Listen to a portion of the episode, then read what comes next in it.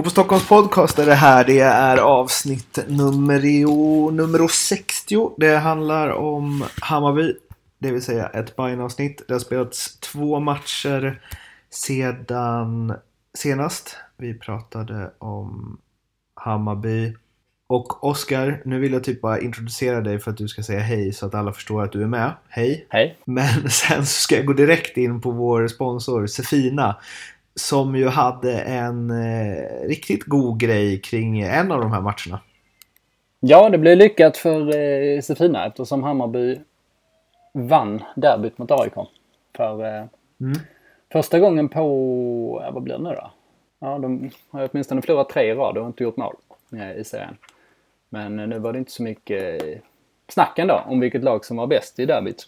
Sefina hade ju, eh, var ju matchsponsor, eller matchvärd kanske man säger, den matchen. Och hade ju en loge då, då till sina VIB-kunder. Och eh, de här VIB, om man nu vill, vad är det för något?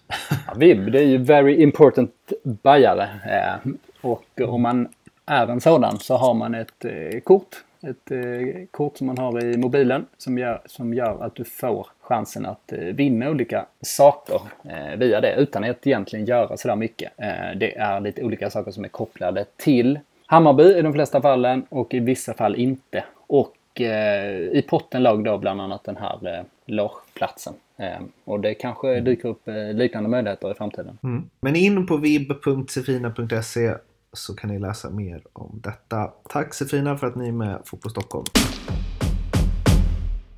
Det har alltså blivit en derbyvinst sen vi snackade senast och sen så 3-1 mot Sirius. Och eh, det har väl inte varit något snack egentligen. Även om det var första halvlek mot Sirius var väl inte direkt sprudlande. Det har väl sett ut lite så för Hammarby några matcher i år där de har liksom skapat lite chanser och eh, inte riktigt fått till det och sen så lossnar det och det rejält i andra halvlek. Ja, det brukar vara så. Att Hammarby koncentrerar sina mål till eh, korta perioder. Ehm, och eh, det är ju trots allt starkt att vinna mot Sirius med ett antal eh, viktiga spelare borta. Jag tror, eller vi kommer väl till det, men eh, Örebro hemma i nästa. Då tror jag att det blir absolut fullt blås igen. Då tror jag att vi får se en sån där utklassningsseger igen, eh, faktiskt. Mot Sirius behövde de ju eh, lite hjälp. Det första målet var väl, eh, ja, vad heter han, Björn Stam. Hans pre prestation. Och Tim Björkström hjälpte väl Mojutankovic på, på vägen till hans mål. Sen så måste vi också bara säga att Sirius mål vilket jävla mål. Ja, verkligen. Eh, Hammarbys mål som du var inne på. Det var lite flyt där. Eh, det som man kanske haft lite emot sig, eller hade åtminstone, tyckte jag, i slutet av våren, början av sommaren där. Men eh, ja, Elias Anderssons mål, det var ett av de finare. Är det årets mål? Nej, jag vill, jag vill inte ta de orden i min mun för att man säger det så jävla ofta. Alltså, så fort man säger mm. ett härligt mål så. Eh, det brukar ju ändå finnas rätt... Men jag, för jag tyckte att det fick för lite. Jag tyckte att det var så här, hade det där, återigen, hade det varit någon i Bayern som gjorde det, hade det blivit lite mer liv. Nu var det som att bara, äh, det var någon någon träben i Sirius där som fick någon lyckträff. Det är skitsnyggt. En av de snyggare sådana från långt håll jag sett. Jag tycker ofta de är överhypade och att det är målvakten som gör det dåligt. Men här så var det verkligen det var liksom hårt. Ja, det är sant. Cedorf-klass. Ja, det var det. Ehm, sen var det lite också såklart, alltså, när man reducerar till 1-3, då kan man nästan göra det snyggt som helst utan att det blir någon större, större hype om det. Det är liksom ändå inte det som Sant. supportrarna tar med sig. Kanske. Bayern vann ju komfortabelt till slut och nu säger du, nu varnar du för fullt blås mot Örebro. Ja, det känns så. Eh, med eh, alla blir det väl. De bra spelarna. De måste till och med välja. Eh, bara en sån sak som att Rodic var avstängd nu efter att han plötsligt hittat en superform. Eh, talar verkligen för det. Jag kan inte säga något annat än att eh, Hammarby kommer dominera från absolut första stund och sen kommer de sätta fart på bollen och sen så eh, kommer eh, trycket vara så bra som det, som det brukar vara. Så jag ser verkligen så här 4-0, 4-1 match framför mig. Det står inte med i körschemat, men Rodic där. Alltså, va, var kom det ifrån? Ja, han har ju... Ja, det är starkt får man det säga. Det sägs att han har varit jävligt bra på träningarna. Ja, det sägs så. Och eh, det eh, är ju väldigt starkt för att han kom ju, nu var det inte så jäkla mycket att jämföra med, men han var ju den dyraste värvningen som eh, Hammarby har gjort. Um, och han kom ju med höga förväntningar. Uh, framförallt på den här säsongen. Första halvåret skulle han ha lite boost. Det var ju, han kom ju in när Hammarby fortfarande hade chans att, att vinna guldet. Um, men till det här året skulle han ju vara en stjärnspelare. Att uh, liksom han, han skulle vara på sin kompis Nikolas nivå. Och när det inte funkar då är det ju jävligt eh, lätt att gräva ner sig. Liksom. Särskilt när han är i, ja, en serb som är i Sverige och han har haft eh, intresse från större ligor sen han var ganska ung och så vidare. Man tänker sig att ja, nu, nu jävlar måste det ta fart liksom och sen så ska han ta nästa steg. Och sen har det inte gjort det alls. Då tror jag att fyra av fem spelare hade grävt ner sig mentalt och inte riktigt haft det där liksom. Eh, men Roldic har liksom hoppat in lite här och där och spelat högerback och han har eh, ja, fått, fått utbrott på eh, assisterande domaren och sånt. Så, ja, gjort, gjort lite, lite andra saker än vad det, än vad det var tänkt. Eh, så det är ju otroligt starkt, verkligen, eh, mentalt. Han brinner ju i alla fall, det får man ju ge honom. Han gör ju det. Och jag har ju inte riktigt sett den här kvaliteten i honom heller. Men, eh... jag, jag tänkte faktiskt komma dit. Jag har typ räknat bort honom. Jag har tänkt att han ska vara där och sen så, så fort Bayern får en chans att göra sig av med honom så kommer de göra det. Ja, och det tror jag har varit planen också i sommar nu. Att man tittar på nästa. Okej, den här, den här värvningen föll inte så bra ut. Då får vi liksom... Ja, då får vi sälja honom vidare och, och förhoppningsvis få tillbaks en, eh, en hyfsad peng för det i vart fall. Liksom, som man så man ändå inte går allt för mycket minus på det. Eh, så tror jag klubben har resonerat men eh, det, det, är klart att det kan ju verkligen ändras när man bara har den här kvaliteten. Eh, för det är inte, det är liksom ingen, som jag säger, det är inte så jävla elegant. Det är ganska enkelt så som man spelar. Det är effektivt och det smäller till bara. Och det är kanske därför som man inte riktigt sett hans kvaliteter på något sätt. Eftersom det är det enkla som är hans grej helt enkelt. Och han är ju bara 26 faktiskt. Så det är ju inte så, alltså finns ju blommande kvar där. Även om eh, du och jag väl har varit inne på det att ingen av oss var så här jätteimponerad av honom i, i Malmö heller. Även om han så här blixtrade till under eh, framförallt Europaspelet var det väl. Då han och Djurdjic var väldigt bra ihop. Men om man slår ut hans insatser så har han ju... Han har ju, om, om Bayern koncentrerar sina mål så koncentrerar ju han sina topprestationer till några få matcher. Och sen så en ganska alldaglig spelare annars. Ja, verkligen. Det blir intressant att se om han får starta eller inte eh, nu de sista matcherna. För att eh, jag skulle i och för sig gissa att de plockar upp eh, Nikola på topp och sen så spelar de med de tre offensiva. Att de får eh, ja, Tankovic, Kasaniklic och eh, Rodic. Då kanske att Kasaniklic går in som tia och de andra två tar kanterna. Det känns ju som de starkaste korten man kan ha nu. Aron på topp har ju, ja han har en lång, lång bit kvar och Khalili har varit lite skadad och, och har ju inte samma eh, toppar som de andra utan han är mer en, en duktig komplementspelare kan man, kan man väl säga det som. Även om Björnstam som sagt gjorde sitt allra bästa för att eh, hjälpa Bayern till sitt första mål så var det ju återigen regi Darjan Bojanic som med en fin passning ut till Widgren satte, eller gjorde det till ett anfall från att inte ha varit ett anfall. Och eh, han eh, fortsätter vara den här, eh, det här härliga originalet som vi hyllade senast. Ja, det blev ju eh, inte bara snus på sociala medier den här gången utan det blir ju en bira. Två gånger tror jag också. Både efter derbysegern och eh, 3-1 mot Sirius så blev det en Twitterpost med snus plus öl. Plus en dansk också en gång mm. tror jag. Jo, Jeppe Andersson kom med mm. andra gången. Och, eh, det, det är Bayern ändå. Ja, gud vad det är Bayern. Han, ja. Han tar sitt ansvar när de här, eh, den här identitetssökande Hammarbyarna undrar eh, vad det är som händer med alla de här supersegrarna och fantastiska fotbollen som de bjuder på eh, om vartannat. Då är Bojanic där. Han gör och det. postar öl och snusbilder och får dem att känna sig trygga ändå. Precis, alla de som eh, tänkte, ja men vad är det ingen som ska fånga öl i målgesten nu längre? Eh, de, de har ju ändå fått en hyfsad kompensation nu får man säga. Och det är ju ett eh, stort det... gäng det där alltså. Ja. 70 procent av eh, Hammarbyarna. Ja, ja, det, Funderar det, precis så. Nu tycker jag att du ännu fler skulle jag säga. Ja, okay. mm. Men eh, på tal om hans Twitter där han postade de här två bilderna. Så när man går in på hans profil om man nu gör det, så hajar man ju till lite över att han har ganska många följare.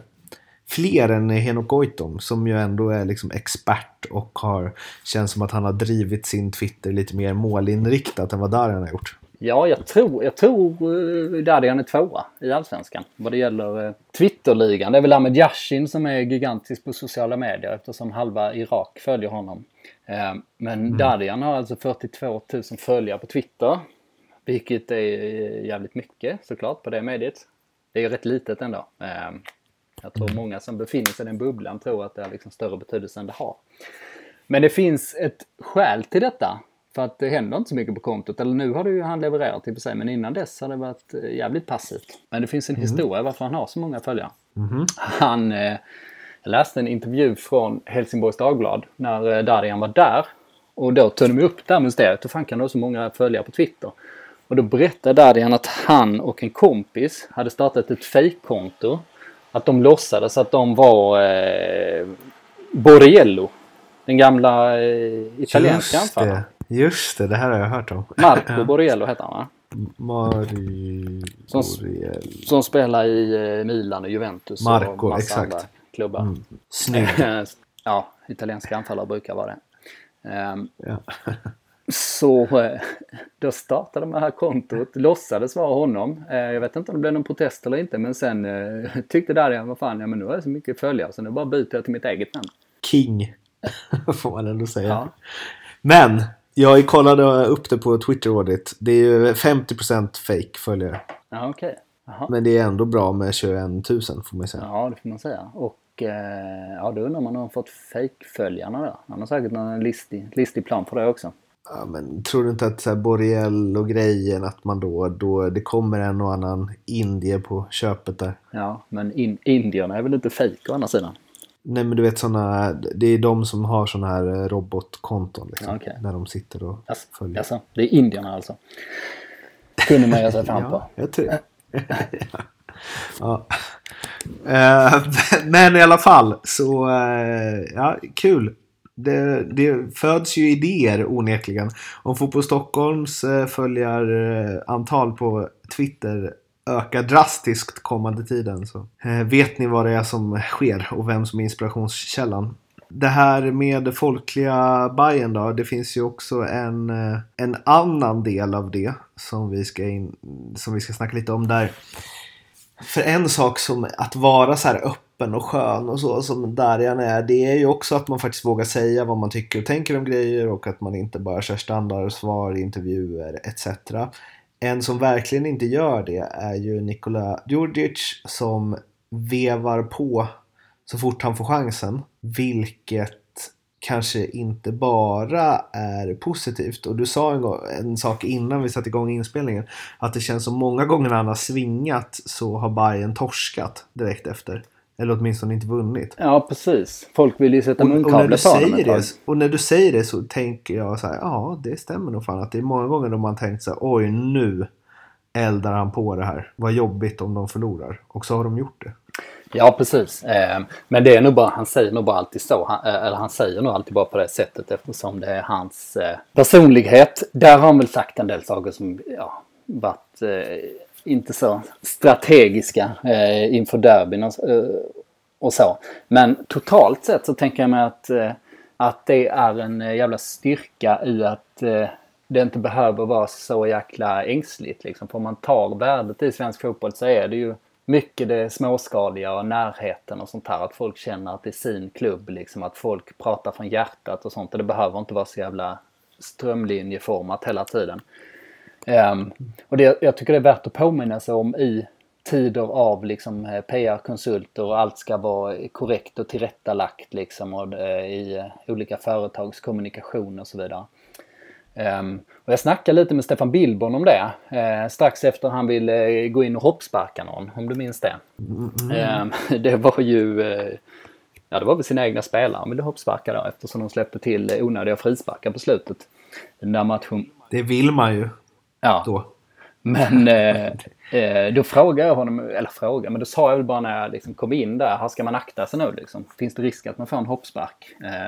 Och då skrattade, skrattade han till lite men då sa han också ja men det där var, fan vad de drog upp det i rubriken och sånt liksom. Eh. och så. Vilket inte kändes så Billborn-aktigt. Men då sa jag det, men det, mm. då sa jag till honom att, eh, men tror du inte folk fattar det där? Då? Att eh, du, du sa ju det. Det finns väl ingen som misstolkar det. Eh, du var förbannad på en sak och du sa det på ett, på ett roligt sätt. Ehm, och det tror jag sig att han eh, köpte. Eh, men jag tror att klubbarna mår bra av att svänger lite. Alltså det är klart om Janne Mian pratar om musöppnare på ett försäsongsläger så är ju inte det så smart kanske. Det var ju, det var ju rätt, det var ju mest liksom sunkigt även om de proportionerna blev galna. Men totalt sett så tror jag verkligen man vinner på det. Ehm, och vad det gäller Djurdjic, där har ju Hammarby lite vänt det till sin fördel. Djurdjic gjorde en eh, intervju med Erik Niva i dagarna. En eh, läsvärd intervju där man förstår mer och han funkar som person. Och eh, då fattar han ju själv liksom, eller han sa ju direkt liksom, jo men jag är jävligt spontan liksom. Eh, tyvärr liksom, men eh, det är så här jag funkade och i den artikeln så pratar Jesper Jansson om att de hade försökt liksom kanalisera den här energin. Att man vill ha hans eh, mod att han ska gå först istället. Istället för att man ser det som en belastning. Att det liksom eh, eh att han är en liten loose cannon så försöker man använda det liksom istället. Eh, och precis efter jag läste den artikeln så läste jag en annan artikel om en norsk eh, forskare. Eh, en eh, tränare, en ung tränare som forskade på eh, framgångsfaktorer inom fotbollen och vilka tränare som lyckades. Och då pekar hon på eh, en faktor som var genomgående för ja, alla case som hon hade tittat på. Det var det, var liksom det här att om en tränare ska lyckas då måste man alltid ha en förlängd arm ut i spelartruppen och man måste använda den energin. Man måste alltid ha ledarna med sig. Och det kan se ut på ganska många olika sätt. Men om man tappar den så tappar man också resultaten. Ehm, och då tänkte jag att då limmade ju ganska mycket med Hammarbys resonemang liksom, med Djurdjic. Den här eh, respektlösheten inför eh, allt och alla. Och att det kanske ligger lite i linje med det, den eh, mentalitetsbyggandet som de har pratat så mycket om. Vinnarkultur och så vidare. Så summa summarum är det ändå bra att han är som han är? Ja, jag tror det. Att åtminstone mer bra än dåligt i vart fall. Alltså, eller han är ju som han är liksom. Och, eh, men då får man använda sig av det på något sätt istället. Och fotboll handlar inte om att eh, bli omtyckt utan fotboll handlar om att vinna helt enkelt. En bra grej om man ska vinna är att göra massa mål. Och eh, Hammarby jagar ju det här eh, rekordet ju. Ja precis, en liten uppdatering där. Mm. Eh, 70 mål är noteringen att slå. Nu har de gjort 60 på 25 matcher. Det ger ett snitt på 2,4 per match och då landar vi på 72. Det var väl samma som sist vi pratade om det här. Det vill säga att de har ju faktiskt en eh, mycket bra chans nu till och med att, att slå det där. Ja, matcherna som är kvar. Jag tänker vilka... Alltså mot Örebro som du sa kommer det bli massa mål. Derby sen. Mm, det kan ju bli lite annat. Malmö hemma. Där är det väl också mycket till om de ska göra fler än två. Mm. Men sen Östersund hem, borta. Häcken hemma. Känns det också som det kan rinna iväg. Mm. Den sista matchen där Häcken hemma. Ett Häcken som inte kommer att ha något att spela för. Precis. Uff och ett eh, Östersund i fritt fall på konstgräs. Så eh, nej men det, allting talar ju för att de klarar De ska göra 11 mål på fem matcher. Det, det tror jag att de gör. De skulle ju eventuellt, ah, nu kanske man inte ska snacka upp den för mycket, men de skulle ju liksom nästan komma halvvägs bara på nästa match om det, om det nu smäller till som vi tror. Vad knäppt att man kan sitta och så här tänka att det, kan, det, det är inte helt... Eller det är fullt möjligt att det blir 5-0 på måndag. Mm.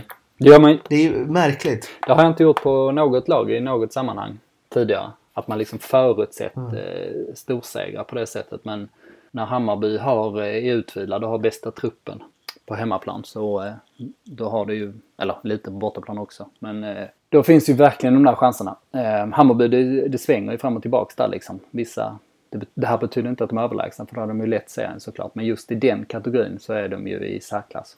Och det är en sån konstig grej också för jag tänker när man själv spelade och vann med så stora siffror då var man ju så himla mycket bättre än motståndarna. Alltså när man var så här 15 och vann med 6-0. Det hände ju liksom inte svin ofta. Men då var ju motståndarna dåliga. Här är det ju att Hammarby kan slå lag med 5-6-2 hemma. Som de sen i en annan match på bortaplan då kan ha lite strul med i alla fall. Mm. Vilket är så... Att det är så stor skillnad är ju ändå märkligt. Alltså. Ja, det är det. Men det är ju ett nytt sätt att spela på helt enkelt. Ehm, Just det här som vi har pratat så många gånger om att eh, förstärka styrkorna hela tiden snarare än att korrigera det som inte funkar. Liksom. Då blir ju marginalerna större. Skalan mellan bra och dåligt ökar väldigt mycket. Och eh, när man väl träffar plankan så då blir det långt helt enkelt. Det blir det. Det var det för den här veckans eh, Hammarby-avsnitt. Vi hörs igen efter nästa match. Då vi eh, av allt att döma är på samma plats också. Mm. Vilket ju alltid är trevligt. Tills dess finns vi på sociala medier. Det är Facebook, det är Instagram, det är Twitter. Prenumerera gärna så blir vi superglada. Tills nästa vecka, ha det fint. Hej då! Hej då!